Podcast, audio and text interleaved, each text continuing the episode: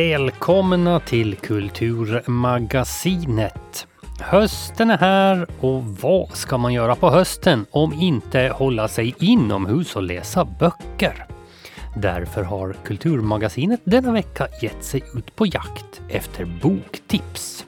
Men vi ska också få höra om den kommande Kulturgalan, att Ålands fredsinstitut eh, firar 30 år med utställning. Vi klämmer in lite bilar idag faktiskt. Eh, och så har Ålands projektkör en ny konsert på gång. Allt detta och mycket mer i Kulturmagasinet med mig, Peter Grönholm.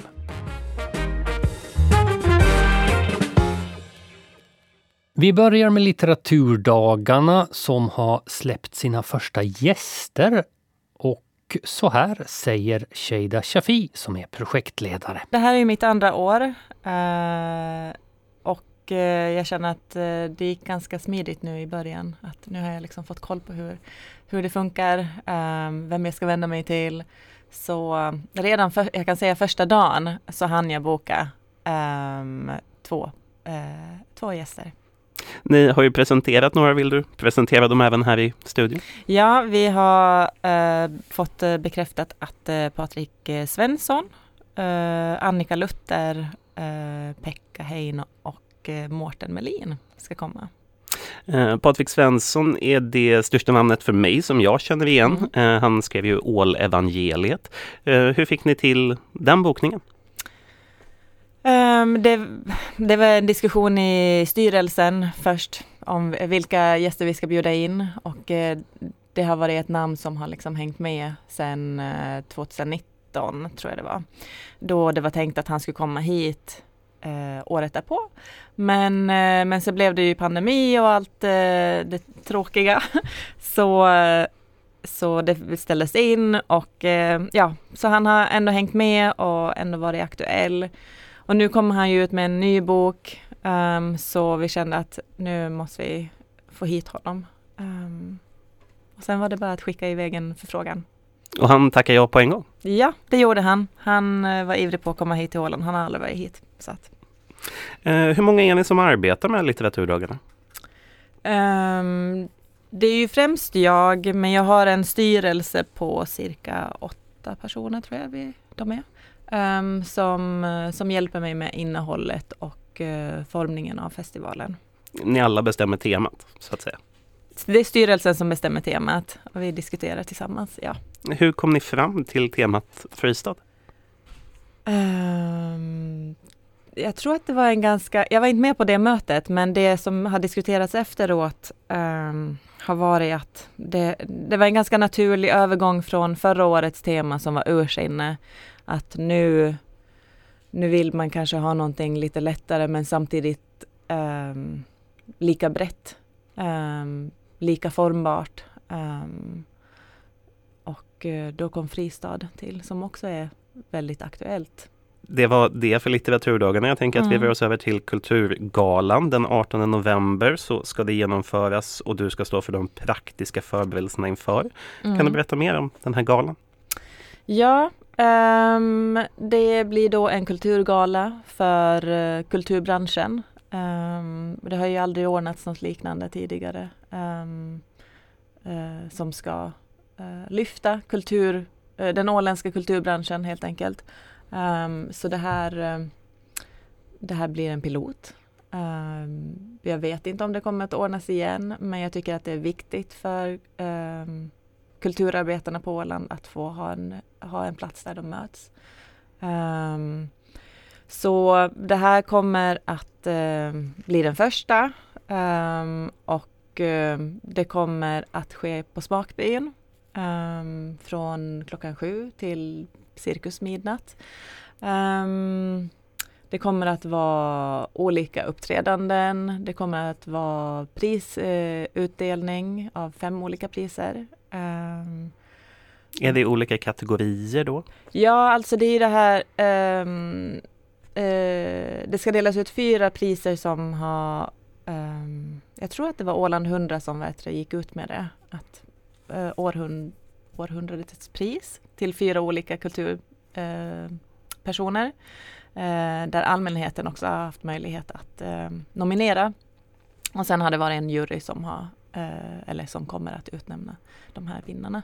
Sen finns också Kulturbyråns eget kulturpris um, som är ett litet hederspris um, då de firar 25 år. Där fick vi höra lite om den kommande Kulturgalan också. 18 november ringar runt det i almanackan.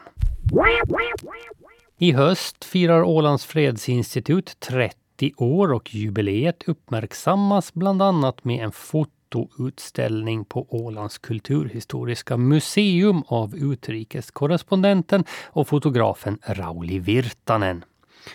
Utställningen heter Afghanistan, människor och platser.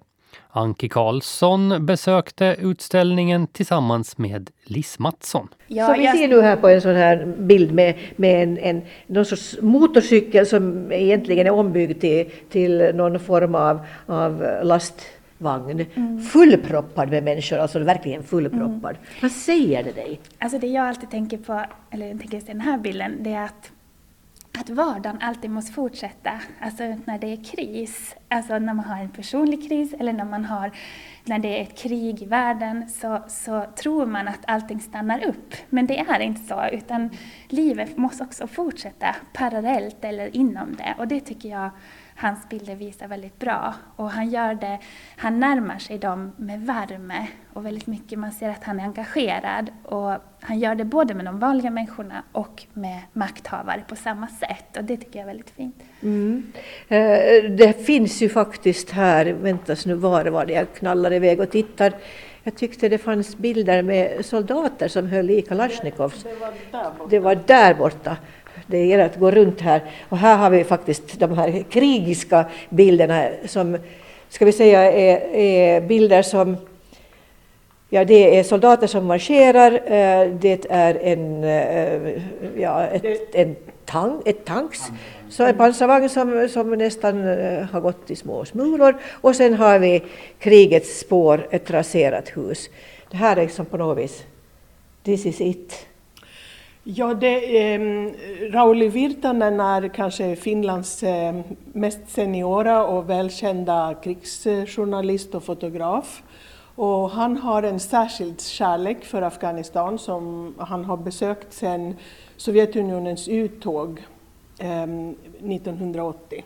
Så det där som du tittar är de är, äldsta bilderna. Är det sovjetisk Det är sovjetisk mm. uttåget och ehm, Mujahedin som, som då äh, är äh, i kontroll av en äh, oskadliggjord tank. Mm. Imperiernas kyrkogård står det också. Eh, ja, det är en omtalad diskussion, men sen så, så rör det sig, och där har vi då den internationella västerländska militära operationen, ja. eh, som eh, faktiskt har varit den längsta eh, sedan Vietnamkriget och andra världskriget med 20 år av närvaro Eh, från västerländska eh, makter, inklusive Finland och, och Sverige. Rauli Virtanens öga är väldigt skarpt att se mångfalden i det afghanska samhället. Mm.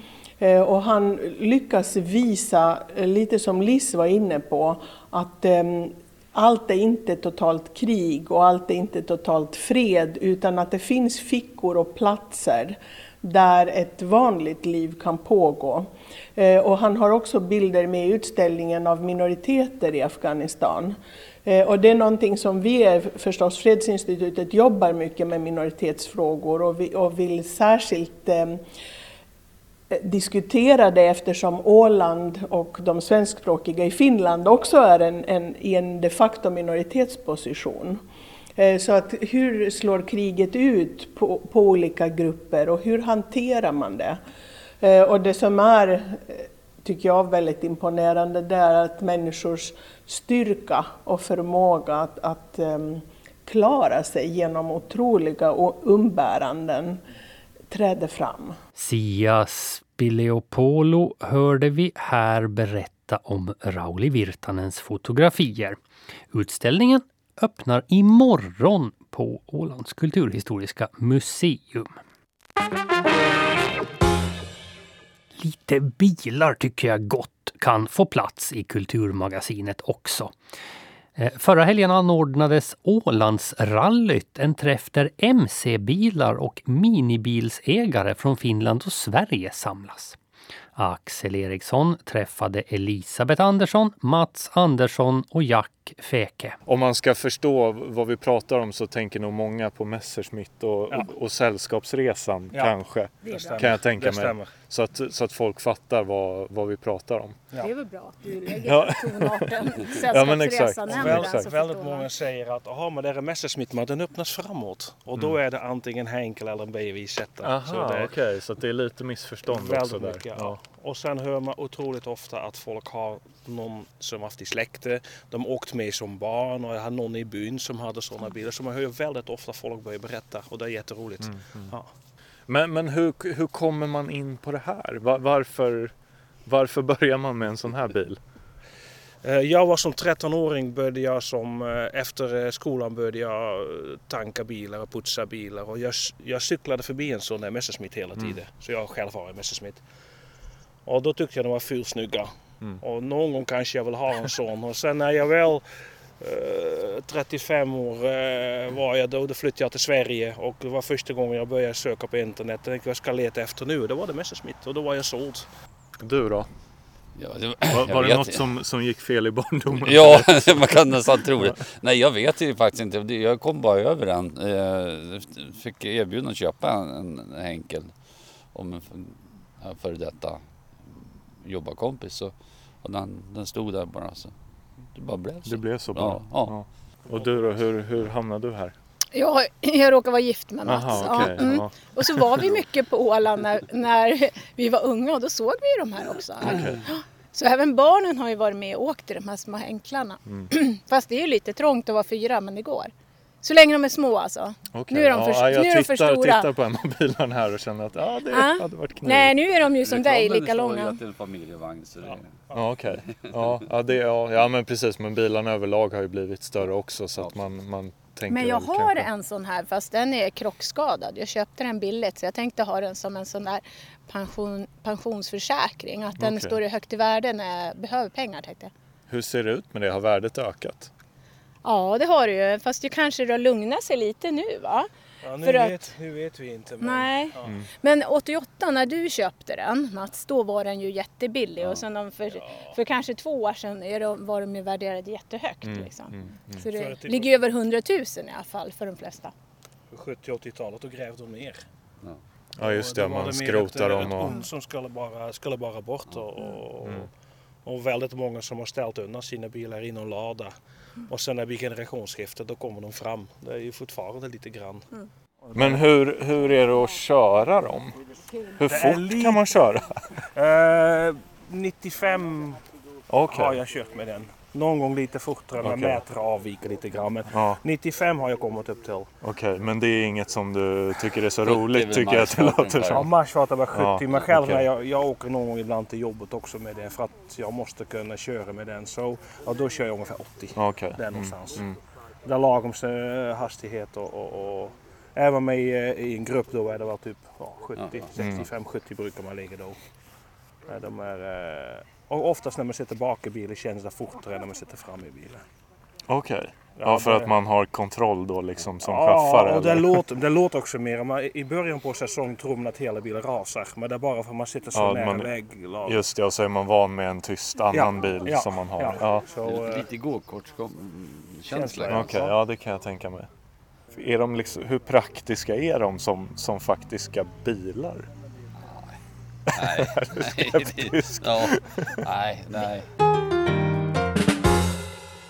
Ålands projektkör har en ny konsert planerad till den 25 mars 2023. Projektet är eh, egentligen nygammalt då man tvingas skjuta upp det på grund av pandemin och sen genomförandet av havsandar som sattes upp då under Åland 100.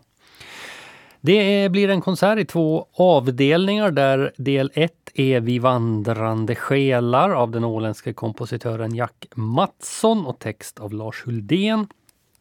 Del två är Förklädd Gud av Lars-Erik Larsson som komponerat musiken till Hjalmar Gullbergs text ur diktsamlingen Kärlek i tjugonde seklet. Johanna Grysner är dirigent och producent och berättar om de många rockaderna. Vi repeterade ju eh, hela hösten 2019 repeterade vi, men vi fick aldrig göra den där konserten där på våren då. Så, för att då, så vi fick liksom ja, avbryta alltihopa. Och sen i och med att vår föreställning därefter var planerad som del av Åland 100, den här som, som hette Havsandar. Eh, den föreställningen, den eh, kunde vi ju inte heller flytta på. Så vi fick helt enkelt liksom pausa förklädd Gud och, och och Vi vandrande själar, alltså den, för den, den konserten vi jobbar på nu då. Eh, och så, så, fick vi starta upp eh, det nya projektet Havsandar, eh, vilket också blev förskjutet. Vi skulle ju egentligen ha liksom börjat repetera tidigare med det också, men där fick jag helt enkelt sjunga in alla stämmor och så fick folk öva ganska länge på egen hand hemma innan vi träffades. Och det funkar ju jättebra. De lärde sig allting men de var ju super, super duktiga, verkligen. Och nu har vi ju gjort den då. Havsanda gjordes ju då i slutet på maj. Och nu startar vi efter sommaren startar vi upp ett nytt projekt. Men det som vi ändå startade där i 2019 då. Så ett, ett nygammalt projekt. Ett nygammalt projekt, precis. Och det är eh, ja, men en, lite av en sån här... Eh, vad ska man kalla det? Dröm, mardröm som jag har haft eh, många år om att, att få dirigera en orkester, alltså en, en klassisk orkester, en symfoniorkester. Um, för jag har ju ändå som studerat det också, men jag har liksom aldrig gjort det i praktiken. Så det, det blir Så, lite nytt. Hur, hur känns det då? Ja, ja men det känns jättespännande. Så jag citerar Pippi Långstrump och säger det här har jag aldrig gjort förut, så det kommer säkert att gå jättebra. ja, hur har du övat då? Ja, men jag, jag studerade ju dirigering eh, 93 till 96. Så det är väl på tiden att jag gör någonting av det, det nu. Nu ska det bli lite ny musik. Overkligheten släpper nytt och Josefina Jansson träffade Magnus Axelsson och Arisa Hirano och pratade bland annat om en av låtarna som jag tror vi låter Josefina säga namnet på. Första spåret, Sommarsyrsors sång. Det är svåruttalat. Vad gör ni åt oss radiomedarbetare? ja, ja vi, har, vi har ju märkt att det är en ganska dålig idé att döpa en låt överhuvudtaget till Sommarsyrsors sång. ja, och, precis. Så att eh, där har vi märkt att det är lite dumt när vi ska också live liksom och säga nu ska vi köra den här låten. Och så får man göra en tung vrickare själv. Liksom, sådär. Ni kanske har en förkortning för den som ni använder själva? Ja, precis. Vi, fast vi brukar nog säga sommarsyrsor. Jo, sommarsyrsor. Okay. Ja. Men man måste vara väldigt vältalig när man säger det. Men, men, berätta hur den, är det du som har skrivit texten då? Mm. Började det så på den? Ja, och den är ju verkligen så här, eh, den sticker ut lite från de andra låtarna ska jag säga med, med tanke på arrangemanget. Att där, den är väldigt avskalad. Det är inga trummor förutom en tamburin som är liksom lite percussion. Och så är det baserat på pianospel då. Eh, och sen är vi alla, förutom Arn Henrik som spelar pianot, med och sjunger. Så eh, eh, jag sjunger lead första versen och, och refrängen och så sjunger Stefan lead andra versen. Eh, och så har vi lite körstämmor och sådär som är en mm. ganska eh, stor del av låten eh, ändå. Man kan Men det är, det är ganska modigt skulle jag säga att, det, att ge sig ut på sån här avskalad... Mm. Eh, har liksom självförtroendet växt under de här åren? Att det kändes liksom helt okej okay, bara, men vi kör. mm. Nej, jag vet faktiskt inte. Det, det mm. liksom, jag, jag, tror inte att det har med självförtroendet att göra, att vi vågar göra den där låten. Eh, den, den behövde ha den formen, mm. vad ska jag mm. säga. Eh, det är snarare att liksom vi tycker om att liksom kanske utmana på olika saker också. Att, eh, och för mig var det faktiskt första gången att liksom spela in något kö som jag själv sjunger. Mm. Och jag har, jag har liksom haft, jag har inte haft sådant liksom ens i Japan när jag spelade på liksom något band heller. Så att det var första gången att liksom spela in min, min liksom egen röst. Så det var ju jätteroligt och spännande också. Men, ja, för du spelar trummor vanligtvis? Ska vi säga. Ja, mm. precis. Mm. Och jag brukar inte liksom de, delta i liksom köer heller. Så att eh, så i början så vägrade jag faktiskt att göra det. Ja. Att nej, nej, jag, kommer inte sjunga för jag, jag känner mig blyg. Att, mm. men, eh, men du har mognat in i det nu? Ja, jag mm. tror det. Ja. jag skulle säga det. ja. men den är jättevacker men också lite vemodig ska jag säga. Mm. Den är, det finns ett äh, mörker absolut i den. Eh, kanske mer eh, mörker än något annat i den. Men, men ja, det finns någon liten eh, gnutta hopp, mm. så hoppfullt här och var i den ändå, eh, ska jag säga.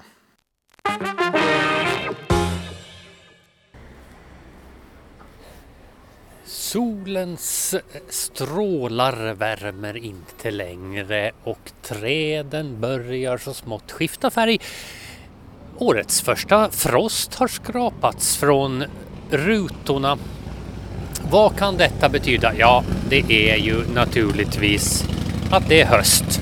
Och då är frågan vad gör man på hösten? Jo, man sitter inomhus och läser böcker. Och då kan man i sin tur behöva lite boktips. Vilket ställe är bättre att hitta boktips på än på biblioteket? Så att eh, jag ska ge mig in till Mariehamns stadsbibliotek på Bibban hittar jag Annika Andersson som har koll på barnböcker. Victoria Lundgren som har hand om skönlitteratur och först Teresa Westmark facklitteratur. Ja, det är svårt att välja för det finns så många tips. Du vet, hela livet ryms inom facklitteraturen ja. så att det, allt vad man behöver finns ju här. Och det här är en fågelbok som eh, utgår från det här mera eh, folk folkliga intresset och, och eh, ja, folklivsforskningen. Då. Att, att hur, hur har fåglarna betraktats eh, av människor genom tiderna? Vad, vad har de varit tecken på? I vilka sammanhang så har de symboliserat olika saker? Så, så den, är, den är lite djupare än en vanlig eh, biologisk eh, skildring av, av hur fågeln, vad den äter och hur den lever och så här. Så att eh, jag tycker att den här är lite djupare och lite roligare. Den heter alltså Fåglar i svensk folklig tradition av Ingvar Svanberg. Det är mycket passande författare också på en fågelbok. Ja, verkligen.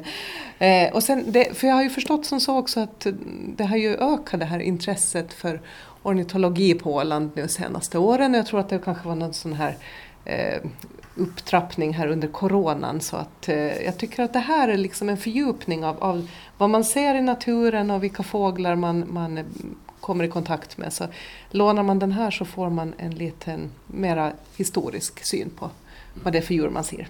Mm. Sen har jag lite historia eh, att tipsa om. Eh, Jonathan Lindström är ju arkeolog och han har nu kommit ut med, i år då med Sveriges långa historia.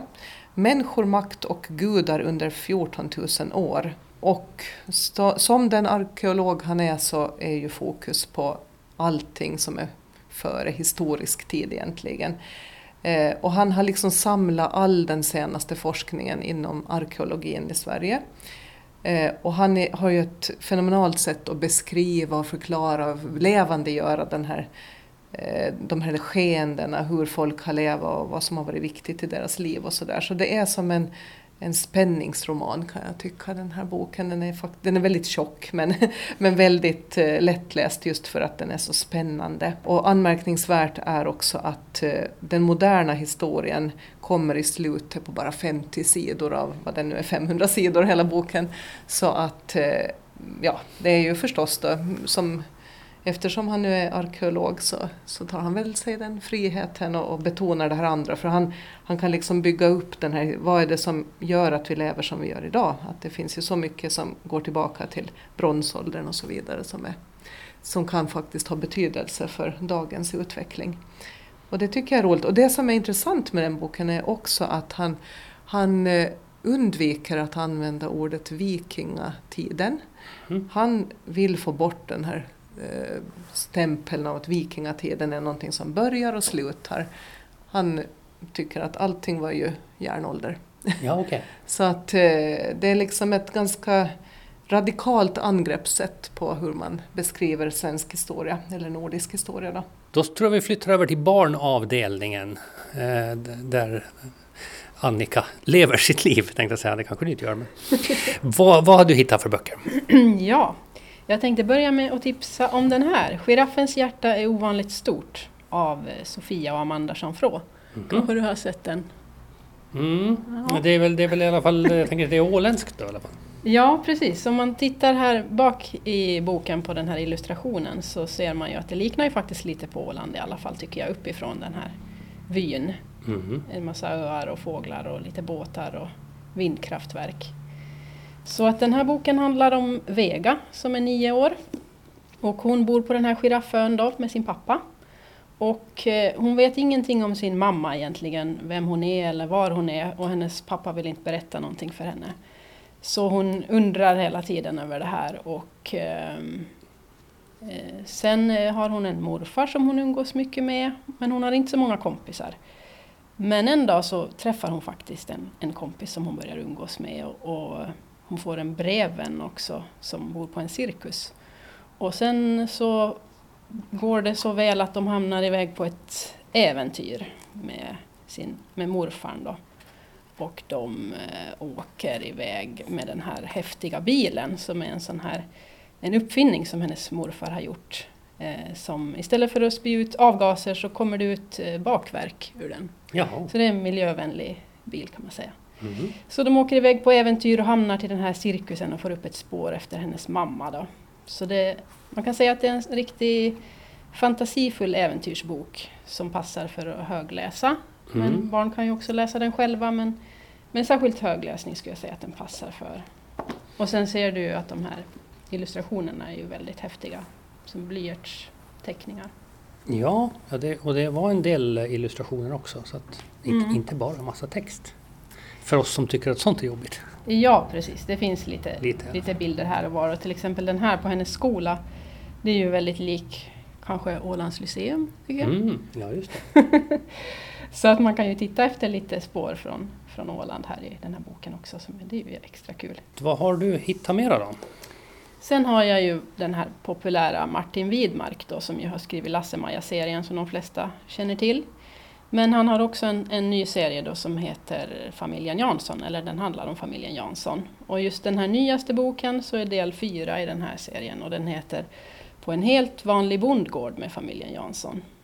Uh, och det handlar ju då alltid om den här familjen som är mamma, pappa och två barn. Och i, de är lite galna i den här familjen för det är liksom lite upp och ner och tvärt hur det brukar vara. För det är liksom de vuxna som är lite lata och lite, de vet inte så mycket och de försöker komma undan med det ena och det andra. Det är alltid barnen som måste styra upp allting och, och säga till dem och hålla ordning och sådär. Och i det här fallet då åker de ut till en bondgård för att deras farbror har brutit benet och han har en bondgård och då måste de hjälpa till där. Och då blir det lite som en blandning mellan Emil i Lönneberga och Farmen, den här tv-såpan på tv. Mm. Att det blir liksom storbönder och det är Krösa-Maja och det är liksom allt möjligt galet som händer där. Men det låter ju lite också som den här, vad hette de, Loranga och Massarin? Ja, man skulle nog kunna tro att den är lite på, påverkad av de böckerna faktiskt. De är, det är lite så här dråpligt, precis som i, i de böckerna. Och det här är ju också en sån som passar att, att högläsa, eller så kan barnen läsa den själv. Så jag skulle säga att den här är kanske lite, ja, från sju år eller så. Ja. Mm. Så det är om man gillar lite humor och lite galet. Mm. Och vem gör inte det? Så. Vem gör inte det? Nej. Nej. Och det är ju han här Pelle Forshed som har gjort de här skojiga bilderna i den. Precis. Ja, och när vi då har fått, fått barnen att eh, läsa eh, tryggt och säkert och vi ska läsa något själv om vi inte väljer fackböckerna, vad väljer vi då? Ja, då kan man välja en, en, en trevlig roman och eh, jag tänkte tipsa om några romanserier ser jag faktiskt. Att de, alla böckerna här ingår i, i serier. Mm. Och jag tänkte börja med den här boken som heter Det kom från öar av författaren som heter Malin Havind. Och eh, den utspelar sig alldeles efter krigsslutet 1945 och det eh, är eh, Dagmar som bor på, på Gotland som är 18 år som är huvudpersonen. Och hon arbetar som spritkassörska på ett hotell i Slite. Och det handlar om hennes familj, hon har tre systrar.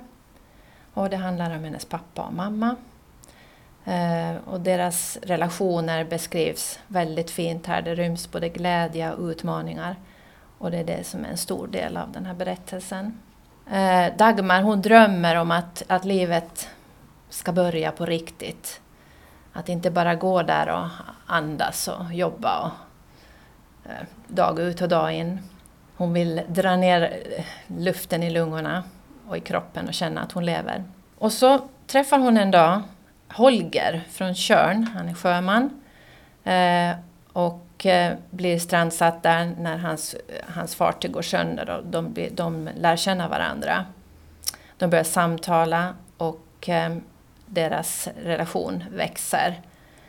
Eh, och jag tycker att det här är en väldigt fin berättelse. Alltså det, det är ju den här Dagmar som är i, i, i huvudpersonen men det är liksom en berättelse om samhället också. Just det här att det är krigsslutet som kommer in där. Den känns väldigt aktuell idag på något vis med situation med oro, oron, oron i världen. Och sen så är det ju framförallt en berättelse om öfolk. Att hur det är att bo, bo på en ö. Och vad det, vad det gör med en människa, vad det betyder för oss människor som bor, bor på en ö. Så jag tycker att det här är en berättelse om, ja, om att vara människa och det är ju berättelsen när de är som bäst. Och eh, sedan har vi en, en, en annan eh, romanserie som jag är väldigt förtjust i. Och det är Denise Rudbergs serie Kontrahenterna, heter den. Ja. Och eh, den fjärde delen har just i år kommit ut och den heter Den fjärde doktrinen och den är ju förstås utlånad nu så den kan jag inte visa. Ja. Men eh, den här serien handlar om tre unga kvinnor i andra världskrigets Stockholm. Det handlar om Signe som eh, kommer från landet till storstaden och det handlar om Elisabeth och det handlar om Iris som får fly från Estland med sina två söner. Och alla tre rekryteras de av den svenska regeringen eh, för att eh, arbeta med signalspaning och knäcka tyskarnas kod. Och de kommer att få stor betydelse för, för, för rikets säkerhet. Och eh, den här serien så baserar sig ju på, på författarens egna mormödrar och farmor. Mm -hmm. Och ja, det här, det här är en favoritserie, så läs den. Ja, då har vi fått våra boktips inför höstens läsning. Och vi vandrar ut i det alltjämt soliga Åland. Och med det så är Kulturmagasinet slut för denna vecka. Ha en trevlig vecka med massor av böcker och kultur.